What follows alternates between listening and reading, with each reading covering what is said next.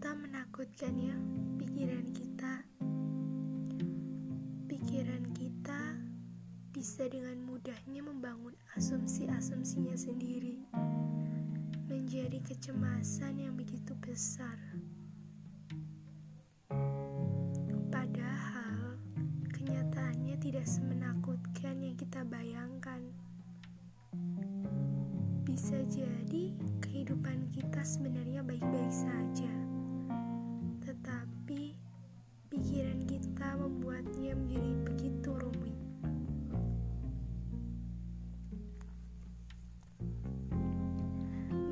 Sering kali kita meyakini sesuatu yang mengerikan akan terjadi pada diri kita, padahal itu hanya kecemasan kita sendiri.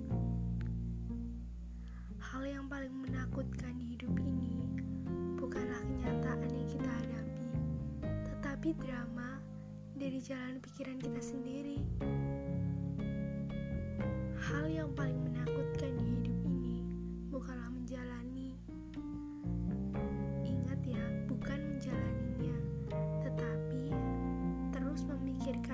yang sebenarnya belum kita